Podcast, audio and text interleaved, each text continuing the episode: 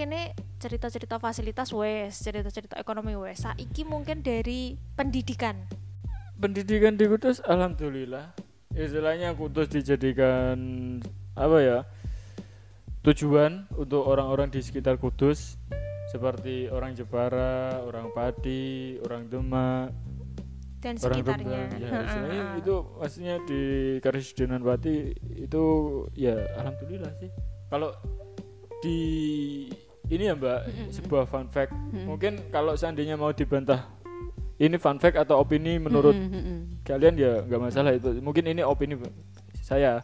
Kudus itu adalah kota yang paling maju di antara kota-kota lain sekarisidenan Pati menurut saya nih Mm-mm. iya sih menurut saya heeh. Pendatang lo ya. pendatang Iya. iya Menurut Mbak Heeh. Freda sebagai pendatang lo ya. Ya, iya, Ya menurut- bukan berarti me- maaf ya menjelekkan enggak tapi memang faktanya menurut saya begitu. Eh, gitu. maksudnya dari kondisi perekonomian iya, ya, lebih modern, pendidikan dan yang image, lainnya. betul banget. Iya, itu fasilitas gitu Ah, ah, itu dan lain fasilitas. sebagainya itu lumayan lah ya. ya karena istilahnya banyak yang istilahnya kalau lebaran nih Mbak Mm-mm.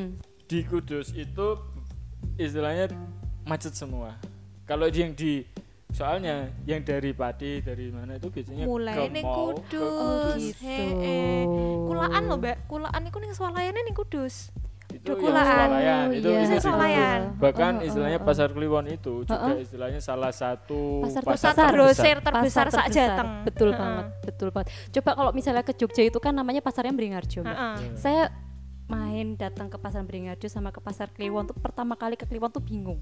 Karena saking besarnya dan saking luasnya gitu. Aku sampai saiki nek Bener, kon bener. mlebu Kliwon dhewean mesti kesasar. sampai saiki loh. iya bener-bener Mesti saking kesasar. besarnya gitu. positif Terus dari pendidikannya yo. Fasilitas pendidikan di Kudus kue luru sesuai yo ibaratnya ngene lah. Aku wani nantang, kowe pengen lurus ning rego piro? Ono kabeh ning kene. dari sing gratis ono Ada. harga merakyat ono kelas menengah ono sampai sing bulanane larang Ada Ono. juga. Oh gitu ya. Eh, eh, Oh, ono, aku baru tahu loh Mas beneran ini. jadi dari tingkat eh TK apa PAUD ya mbak iku yo literally ono sing larang mbak Oh Ta- iya tapi kalau seandainya yang kurang di Kudus itu kayaknya ya international school iya Iya, international Iya, school iya. Itu memang kok durung menjadi tren sih ning Kudus sih Iya, international maksudnya kan school. itu yang seandainya kalau Kudus di compare dengan kota-kota lain, ya memang Kudus belum ada. iya Kudus belum semaju itu. Hmm, Tapi insya Allah mungkin ya entah 20 tahun ke depan. Oke. Nah, tapi memang nek sing dadi tren ning Kudus ya terutama kalau eh seusia Pak UTK sama SD yang menjadi idola tuh malah justru SDIT. Oh gitu. Itu kalau yang berbasis agama ya Mbak Iya, SDIT ya atau heeh. mungkin eh, SD Kristen apa kayak gitu. Itu justru yang menjadi favorit. Belum ada tren ke international school gitu. Dan untuk masalah pendidikan yang formal, maksudnya Ha-ha. informal pun Kudus dijadikan Pesantren. Iya. Wah iya bener Nah. banget itu. Ya kalau pesantren di Kudus itu eh, ada tapi di itu ya di Pati istilahnya ya hampir berimbang itu di Pati. Hmm, Ada hmm, seperti hmm, itu. Mm, Tapi kebanyakan itu orang-orang jauh itu biasanya lebih memilih di Kudus Untuk karena iya pesantren gitu. ya. iya apalagi kan istilahnya Kudus punya menara yang sebagai ikon Oke. ya kan itu biasanya di situ Bi- banyak yang di daerah menara jadi biasanya banyak kan biar anaknya jadi benar-benar baik dan islami karena Hmm. mendapat berkah dari Mbah Sunan dan masih istilahnya kan kalau orang-orang terdahulu enggak enggak terdahulu orang sekarang pun masih eh, berharap tentang berkah-berkah dari wali-wali tersebut ya Mm-mm. Iya, eh, bener kental banget kok agama agamis nilai agamisnya di Kudus tuh. Loh, Iya. iya Bener kalau bener. seandainya pengen belajar tentang kejawen di Kudus juga ada. Oh, ada. Iya, ada.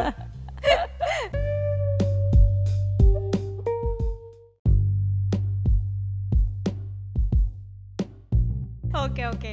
Nah, jadi nek sisi positif sing iso tak highlight ya guys. Aku senengnya sing ini sih dengan banyaknya fasilitas pendidikan yang kudus.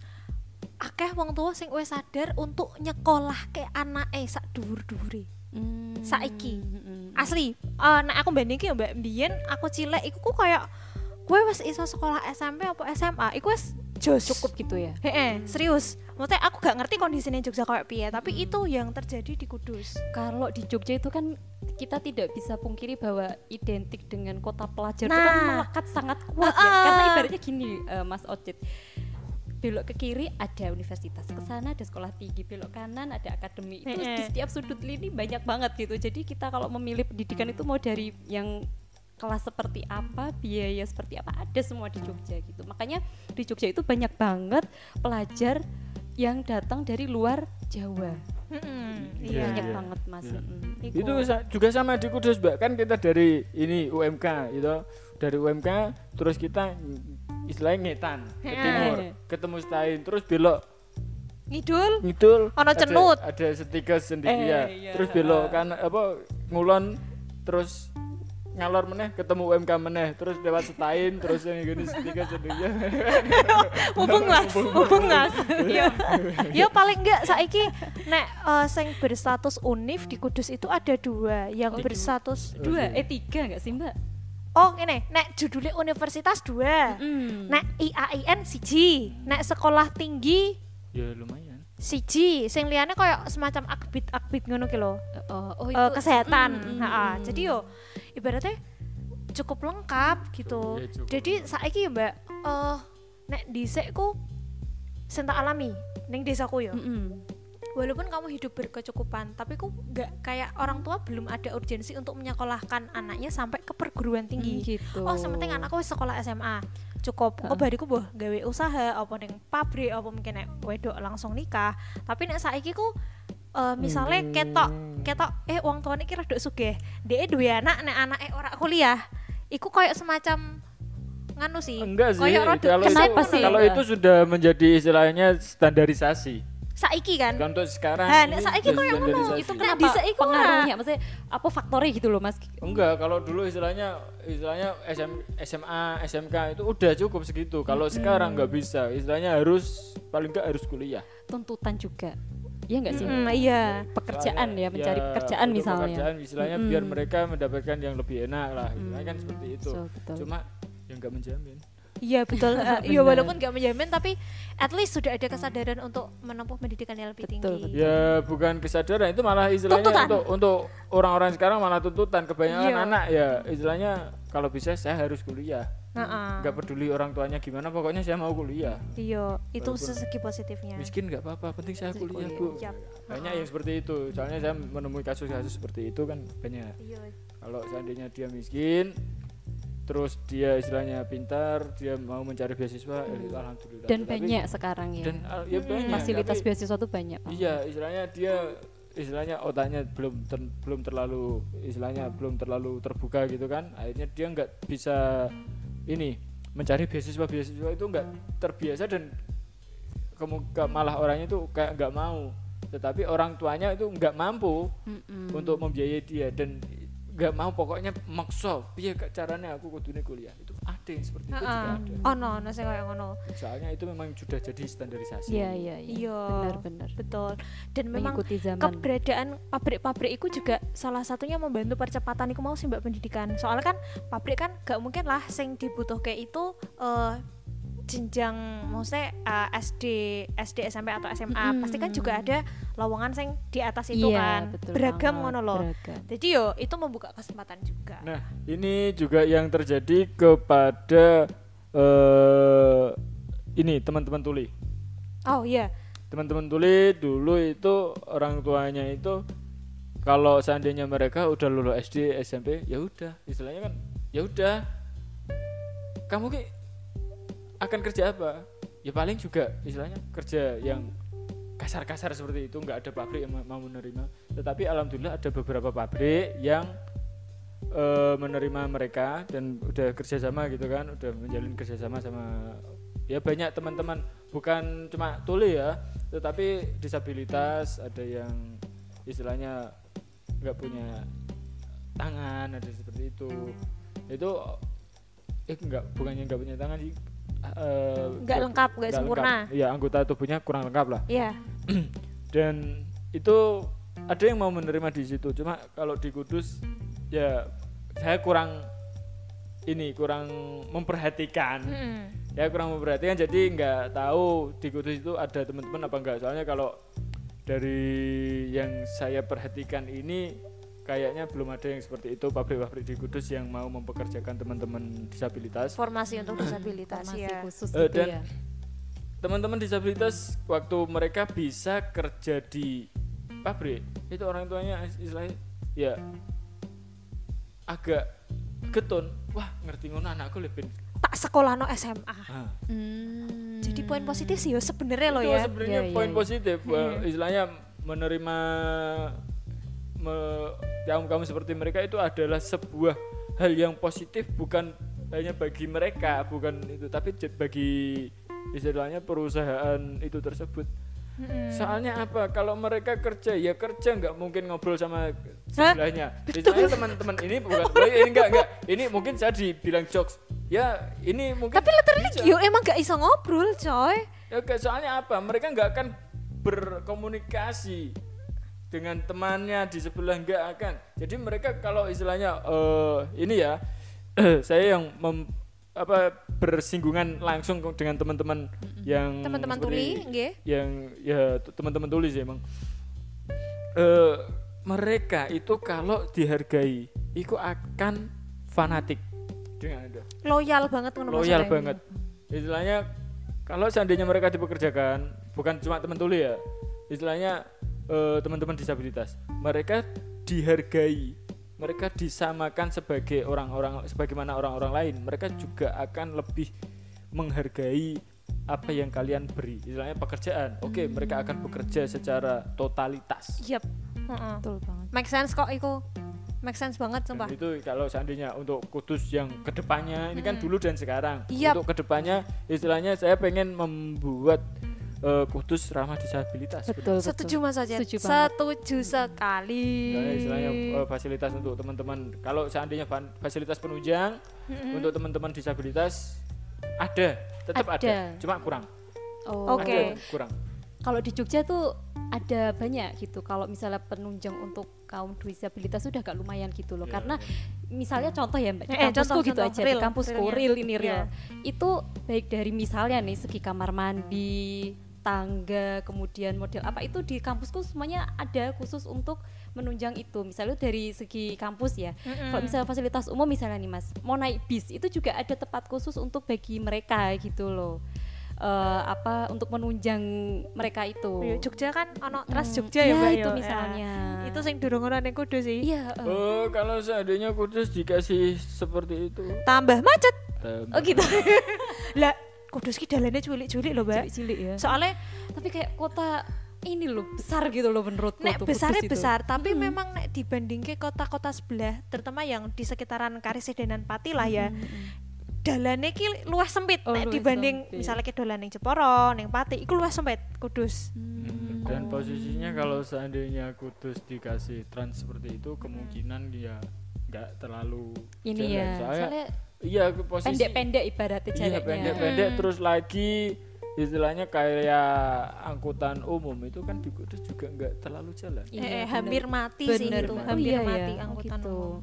dan itu alhamdulillah istilahnya eh, angkutan kota itu juga mereka nggak narik keliling biasanya kan kayak muter gitu kan Mm-mm. tapi mereka ngambil cuma antar jemput karyawan pabrik udah alhamdulillah oh. Eh, eh. gitu. Jadi kan memang beberapa pabrik eh, pabrik rokok di Kudus yang gede itu kan di kota kan mbak, mesti letaknya tidak jauh dari kecamatan kota. Nah sedangkan pekerjaan ini nyebar, ono sing ning kecamatan Dawe daerah utara, ada yang dari timur, barat sama selatan. Ya memberdayakan itu tadi ya angkutan kota yang sekarang sudah beralih fungsi Iya, sebagai alhamdulillah memang kendaraan untuk bekerja gitu. oh iya iya Nah, guys, eh un-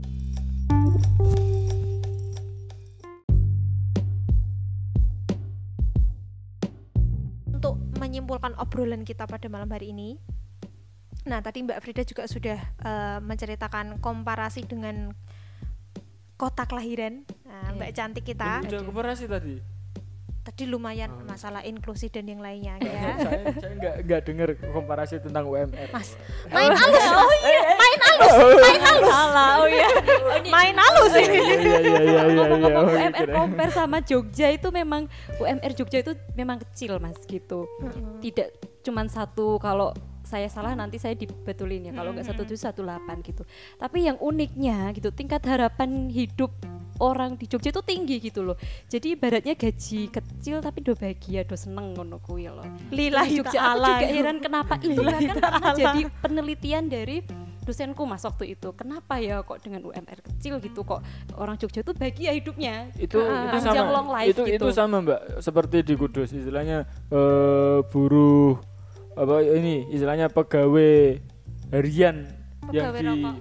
rokok ya sing borong ya eh ora sing harian. Eh, sing? Sing borong. Sing borong ya? sing dibayar setiap hari kan? Ah, itu berarti itu borong borong. borong. Oh, yang gitu. borong itu istilahnya ya ya alhamdulillah itu kan cuma borong. Dan coba bayang bayang kayak mbak pasti pernah pak istilahnya lewat gitu pas budalan pabrik Iya, uh, Iya. ruame buat dan mayoritas adalah perempuan. iya memang eh, istilahnya emang. yang Iya, pabrik eh, yang perempuan. itu pekerjanya perempuan dan Mm-mm, istilahnya mm-mm. coba lihat perhatikan mereka style mereka istilahnya fashion mereka. Itu kok mencukupi uripe ngono ra sih coy? Iya, Iya, iya. salah satu hal positif sih yang aku itu di luar kontroversi tentang rokok ya. Di, ya ini kita kita kita bahas tentang ini ya istilahnya eh, pabrik-pabrik dan eh apa istilahnya UMR Nah, ini bahas iya. itu kan. Itu iso UMR gak sih? Di atas UMR kadang di atas kadang di bawah juga ya. Heeh. dan istilahnya kan eh tapi lihat mereka penampilannya wadah eh enggak enggak enggak, enggak. Ini, ini, ini istilahnya benar loh mbak aku melihat Iya melihat oh mereka gitu. ketika keluar wayah nek kene ngarani ku wayah budalan kerja ya mbak wayah Budalan budal kerja kerja dadekne Pulang kerja. pulang, Oh, gitu. Oh, budalan karena kerja. budal lu di Jogja berangkat gitu. budal kene bubar istilahnya Bubar. kalau di Budal iku kamu- bubar. kayak kamu ke Jogja enggak bilang kayak gitu tadi ya. Wes kono berangkat, budal, ya. kono Iya, berangkat, dan itu kalau di terus. Kudus budal itu punya dua arti kadang Bubar. ya bubar yang satu emang Ha-ha. budal berangkat Oh, kalau Berangkat, kalau di tempatku di budal tuh ya berangkat gitu ya satu kadang kata. kalau di Kudus itu malah ada yang budal itu istilahnya jigong di mulut itu salah mas oh, iya, salah. bukan Salah. itu mas oh iya saya tahu yang anda maksud tapi saya tidak ingin menceritakannya Oh, iya, di iya, sini iya. mas oh iya iya iya maaf maaf maaf maaf, maaf. Gitu. maaf, maaf. jadi nek wayah budalan kerja aku ku suka memperhatikan ratu wajah mereka ku ya kayak eh iki yo bahagia. Mm-mm. terus kayak semacam ada kepuasan tersendiri. Oh aku kerja ki aku cah kerja Oh, coy. gitu aku cah ya. kerja. Dan seandainya Mbak tahu orang-orang seperti kerja, iya istilahnya kalau mereka dibandingkan dengan orang-orang yang kerja, ini saya soalnya punya beberapa teman yang kerja di pabrik yang eh, bukan di Kudus ya, Mm-mm. itu istilahnya kalau gaji itu kemungkinan besar tinggi mereka daripada iya. yang bu-ibu tadi. Ya, yo Tapi- heeh. Istilahnya untuk komplain rasa cukup eh untuk komplain itu malah banyak temen yang sing gajinya lebih tinggi tadi ya, yang Oh. temen lebih tinggi gajinya ini malah Nah. banyak komplain daripada ibu-ibu tadi. Nah, nek menurut ceritanya tonggoku ya Mbak, eh, tadi ibu-ibu yang bekerja sebagai buruh yang digaji harian di pabrik rokok, itu ya minimal sehari mereka Berapa? bisa mengantongi 50 ribu lah Oh, minimal. iya, lumayan itu ya. minimal. Ayo nek misalnya rada akeh ya 70 apa 80 80 ribu. Jadi kan mungkin bisa kadang sebulan mencapai UMR, kadang Oh, juga iya, enggak. enggak. Karena eh, rokok yang mereka buat itu eh, berbeda-beda jumlahnya tiap hari, nggak tentu, nggak bisa dipastikan kayak gitu. Tapi yo emang bener sih, eh nek aku ngerti saka tangga-tanggaku yo, ono iku tanggoku eh dia itu punya anak tiga, terus punya cucu, Hmm. cucunya dua, iku kerjanya di pabrik rokok kabeh coy. iya memang Nah, gitu ya. memang seperti itu memang kebanyakan Wah, luar biasa. Jadi anak pertama, anak kedua, anak ketiga iku kerja ning pabrik. Nah, terus yang anaknya pertama iku kan wis duwe anak. Jadi kan cucu kan. Loro iku yo kerja ning pabrik rokok. Jadi aku ning keluarga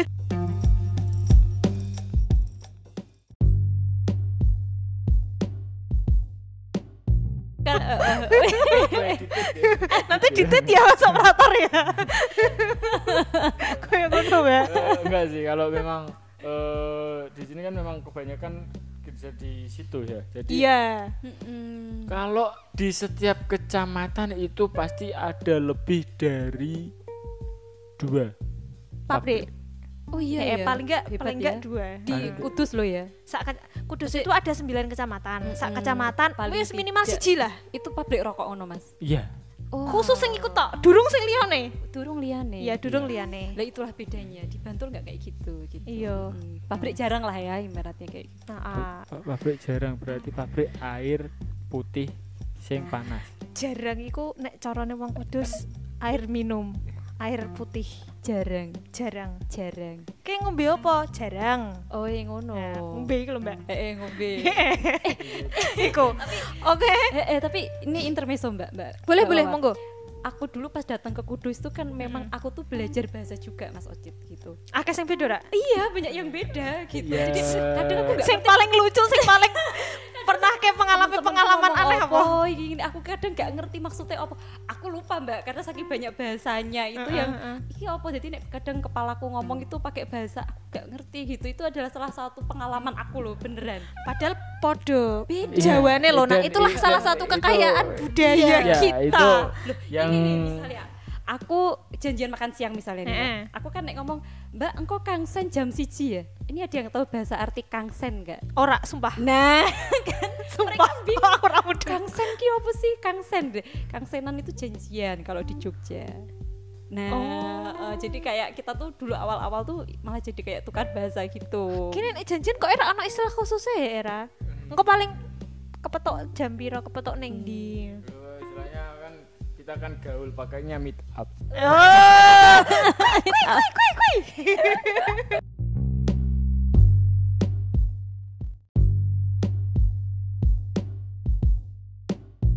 Kita dari Mbak Freda tadi mengulik positifnya. Heeh, negatifnya Negatifnya belum. Negatif di Kudus. Heeh. Apa gitu? Oh, Heeh. Bolehlah apa kamu menceritakan yang ingin diceritakan dan juga sekaligus harapan Oh, untuk ini kota Kudus bener nggak apa-apa boleh ya? Iya, nggak apa-apa. Oh, gitu. Just, Heeh. just the fact. nggak tahu ya. Ini entah Untuk pembelajaran kok ini. entah fun fact, entah opini aku gak ngerti. Tapi aku tuh kalau misalnya cari makan Heeh. itu cenderung di sini tuh monoton. Itu benar atau salah aku nggak ngerti. Monoton ku maksudnya menu nih. menunya itu itu aja kalau di Jogja walaupun sekelas kabupaten kan banyak ya makan dari seafood ikan ayam kerang mie mie godok sing model piye sing iki kue di model piye lah itu banyak banget jadi kita nggak bosan gitu loh kalau di sini Mbak, Mbak Freda Bener nggak sih? carinya jalan di sekitaran kamu jadinya isinya goreng, itu orang. goreng. Soto. Soto goreng, nasi goreng, iya loh atau aku yang kudet gitu kadang nggak ngerti Tapi gitu. emang heeh kok, Mbak. oh gitu satu kedua adalah ak- cara orang naik motor di sini kok menurutku lebih ugal-ugal Jangan salah. Rider semua di sini. Nggak tahu oh, bener atau salah atau gimana Ya benar karena itu tidak hanya aku yang ngomong jadi kan Iya. angkatan kita banyak rekrutmen dari luar lah itu kadang mereka cerita kayak gitu gitu jadi lebih banyak ngawur santer nggak lihat kanan kiri aku tuh Iya. aku butuh waktu untuk untuk untuk adaptasi mbak jujur di Eh, dua eh. hal itu di kudus itu Nah, beneran aku sing iki pernah sumpah iki pernah kita bahas di podcast kita yang awal-awal? Mbak. Nek Oh, gak iya, salah gitu ya? episode episode kedua kayak ya bar prolog ya. sing- aman dan nyaman berkendara sih Oh, gitu. Teman-teman jangan lupa dengarkan ya. Oke. emang, eh, kalau Iya, iya. itu ya, ya sudah terkenal Kudus itu Oh, iya, sudah toh. terkenal di Semarang pun istilahnya kalau ada yang pakai plat K itu ya istilahnya ya Nah, pelat K itu kan sekali sedenan pati kan. Jadi kayak konotasi ini kurang elek ngono kan. ya. padahal itu nggak cuma Kudus tapi ya memang kebanyakan orang Kudus sih yang seperti itu jadi, jadi ya. bener ya Sebenarnya ki kue numpak motor banter gak masalah, penting kue ngerti aturan. Nek Iya. ameh belok yo Iya. lampu, ameh mandek yo reteng. buri Nah, kanan kiri ameh gitu puter ya. walik yo reteng. Anda boleh naik motor sekencang apa pun tapi tolong jangan lupa rem Iya. iya bener. Iya bener. Nah iso or- motor ora usah banter-banteran agar dituntun naik ngono ngepit ya mas ngono. Tutuke sok kapan niku? ya. Oke, monggo mungkin Mbak Freda eh, ada pesan-pesan dan harapan untuk kota Kudus tercinta. Eh, nek menurut saya karena saya orang luar melihat Kudus itu tadi pokoknya kota yang memiliki nilai religius agamis yang tinggi lah Mbak identiknya dengan Ya. itu gitu. Jadi saya harap itu tidak hilang culture itu gitu. Amin, amin. Ti- Masih melekat kuat di di sini. Oke. Menurut saya sih itu aja. Besok Hmm? ke tempat Gimana? yang ini kejawen ya. Jawaban nanti. Ini insya Allah ini podcastnya keluar ketika Kudus ulang tahun. Kan September. Sesuai. Oh, cek suwe. Sesuai. ora ora ora ora ora. Kesuan, kesuan. kesuan. Oke, ya terima kasih pendengar setiap podcast Migunani.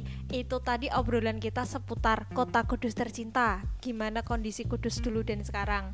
Melalui obrolan ini, sumpah aku senang iso sedikit bernostalgia eh, ngobrol-ngobrol bareng mengulik tentang Kudus biasa sih kondisinya kayak gimana. Nah, insya Allah sih aku pengen podcast sing judul iki itu nanti tuh ada sambungan nih membahas Kudus lebih dalam eh, tentang kondisi-kondisi sing mungkin nggak banyak diketahui orang. Kita akan bahas di podcast Migunani selanjutnya. Terima kasih sudah mendengarkan. Semoga bermanfaat minimal teman-teman semua terhibur dari apa yang kita perbincangkan. Sekian dari saya. Saya Wawa. Saya Ocit. Saya Mbak Freda. Om operator tangannya silang-silang.